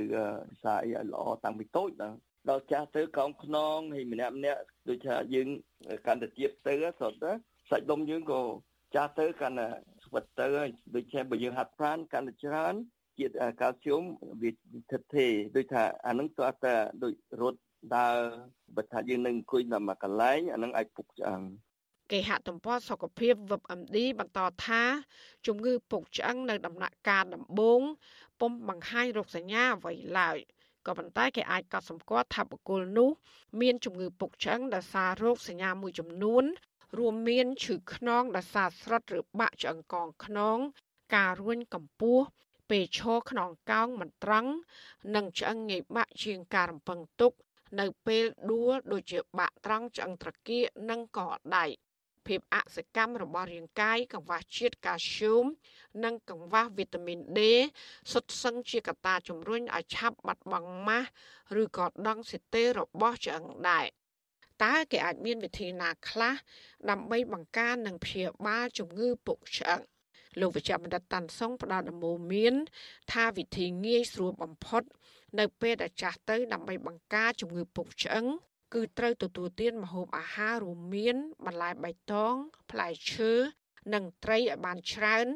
ដើរឬរត់នឹងលើកដុំដែកឬទម្ងន់ដើម្បីជួយបង្ការការបាត់បង់ឆ្អឹងនិងជួយពង្រឹងឆ្អឹងដែលចុះខ្សោយនោះផងជាតិកាល់ស្យូមគឺមាននៅក្នុងទឹកដោះគោកគឺមានជីយ៉ាវ៉ូយូហ្គតណាអាហ្នឹងគេមានញ៉ាំច្រើនក្នុងយើងគឺថាបន្លែហើយត្រី ហើយទី3គឺតៅហ៊ូតៅហ៊ូក៏មានជាតិកាល់ស្យូមដែរជាតិកាល់ស្យូមច្រើនណាស់តៅហ៊ូដូច្នេះបន្លែបន្លែក៏ច្រើនហើយក្រៅពីហ្នឹងគឺថាបើអាចភាសាបានកាល់ស្យូមហើយវីតាមីន D គេហទំព័រសុខភាព WebMD ក៏បានឲ្យដឹងបន្ថែមថាបរិះនិងស្ត្រី ចាប់ពីអាយុ50ឆ្នាំឡើងទៅ ត្រូវការរបបអាហារនិងជាតិកាល់ស្យូមប្រមាណពី1200មីលីក្រាមក្នុងមួយថ្ងៃ ចំពោះវីតាមីន D វិញប៉ះសិនបើមិនសូវបានដើរត្រូវថ្ងៃសំងំតែនៅក្នុងផ្ទះជាពិសេសមនុស្សចាស់ជរា គួរប្រើថ្នាំវីតាមីន D បន្ថែម ចន្លោះពី600ទៅ800 IU ក្នុងមួយថ្ងៃការហាត់ប្រាណនិងការលើកដុំដែកអាចជួយឲ្យឆ្អឹងរឹងមាំកាត់បន្ថយការបាត់បង់កំហាប់ឆ្អឹង និងពង្រឹងសាច់ដុំផងដែរ ចំណែកការហាត់ពង្រឹងតុល្យភាពរបស់ខ្លួនប្រាណវិញដូចជាហាត់តៃជីក៏ជួយកាត់បន្ថយការងាយដួលនៅពេលចាស់ឡើង។ប្រសិនបើរកឃើញថាមានបញ្ហាពុកឆ្អឹងវិជ្ជបណ្ឌិតជំនាញនឹងផ្ដល់ថ្នាំលេបជាប្រចាំដើម្បីរក្សាដងសីទេឆ្អឹងឲ្យបានល្អនិងកាត់បន្ថយការពុកឆ្អឹងដូចជាឆ្អឹងត្រគាកនិងឆ្អឹងខ្នងជាដើម លោកដានៀងជាទីមេត្រីយើងបានទទួលសំណូមពរពីអ្នកស្ដាប់និងអ្នកទស្សនារបស់យើងច្រើនណាស់ថាកុំឲ្យដាក់ចំណងជើងផ្ទុយពីខ្លឹមសារនៃព័ត៌មាន។ឧទាហរណ៍ដូចជាដាក់ចំណងជើងថា Vivo ហើយលោកហ៊ុនសែនត្រូវតឡាការប្រំពន្ធអន្តរជាតិ ICC យកទៅកាត់ទោសជាដើមក៏ប៉ុន្តែនៅពេលដែលចុចស្ដាប់ទៅ គឺមិនលឺនិយាយអំពីរឿងនេះសោះចាយើងខ្ញុំសូមជម្រាបថាការដាក់ចំណងជើង ដែលខុសពីខ្លឹមសារទាំងនេះគឺជាការបោកប្រាស់របស់ក្រុមរកស៊ីតាម YouTube ដើម្បីរកលុយតែប៉ុណ្ណោះពួកគេបានលួចយកខ្លឹមសារនៃការផ្សាយរបស់វិទ្យុអសីស្រី ទៅកាត់តរួចបដូរចំណងជើង តាមរបៀបប្លែកប្លែកហួសហេតុដែលខុសពីការពិតក្នុងគោលបំណងតាក់ទាញចិត្តលោកនាងឲ្យចុចស្ដាប់ឬទស្សនាដើម្បីបាន view ឬក៏បានអ្នកចូលទស្សនាច្រើន មានអ្នកចុចស្ដាប់កាន់តែច្រើន ពួកគេក៏កាន់តែរកប្រាក់បានច្រើននោះដែរចាទីស្រីមិនដែលដាក់ចំណងជើងខុសពីខ្លឹមសារនោះទេលោកអ្នកនាងកញ្ញាអាចចូលរួមទប់ស្កាត់ការបោកប្រាស់ទាំងនេះបានដោយឈប់ចុចស្ដាប់ឬក៏ទស្សនាការចុះផ្សាយណាមួយដែលដាក់ចំណងជើងខុសប្លែកគួរសង្ស័យទាំងនេះចាជាពិសេសទៅទៀតគឺដើម្បីស្ដាប់ឬក៏ទស្សនាការផ្សាយពិតរបស់អាស៊ីសេរី សូមលោកអ្នកនាងកញ្ញាចូលទៅក្នុង Channel របស់អាស៊ីសេរីតែម្ដង ដែលមានអាសយដ្ឋាន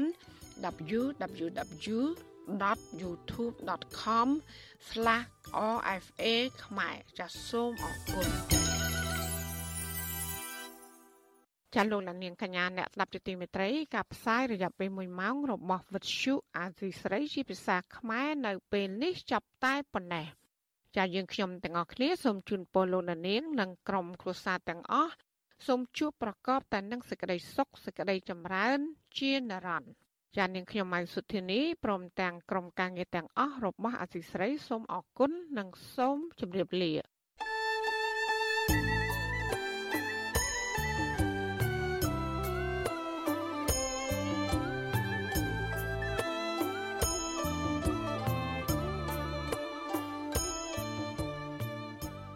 ទ្យុអេស៊ីសរ៉ៃផ្សាយតាមរលក ធារកាសខ្លីតាមកម្រិត និងកម្ពស់ដូចតទៅនេះ ពេលព្រឹកចាប់ពីម៉ោង5កន្លះដល់ម៉ោង6កន្លះតាមរយៈប៉ុស SW 93.90 MHz ស្មើនឹងកម្ពស់ 32m និងប៉ុស SW 11.85 MHz ស្មើនឹងកម្ពស់ 25m ពេលយប់ចាប់ពីម៉ោង7កន្លះដល់ម៉ោង8កន្លះតាមរយៈប៉ុស SW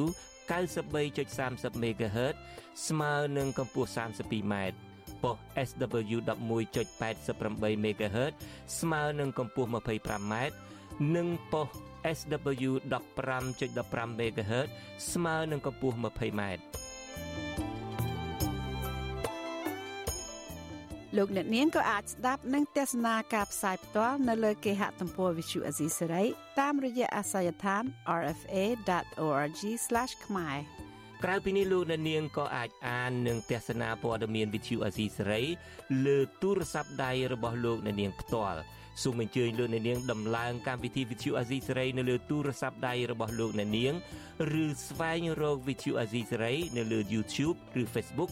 ដោយស្វែងរកពាក្យថាវិទ្យុអាស៊ីសេរីឬ RFA ខ្មែរសូមលោកអ្នកនាងចុច like Follow និងចុច Subscribe ដើម្បីទទួលបានព័ត៌មានថ្មីៗតាមហេតុការណ៍និងទស្សនាវីដេអូផ្សេងៗទៀតបានគ្រប់ពេលវេលា យើងខ្ញុំសូមជូនពរដល់លោកអ្នកនាងព្រមទាំងក្រុមគ្រួសារទាំងអស់ឲ្យជួបប្រកបតែនឹងសេចក្តីសុខសេចក្តីចម្រើនរុងរឿងកុំបីឃ្លៀងឃ្លាតឡើយ។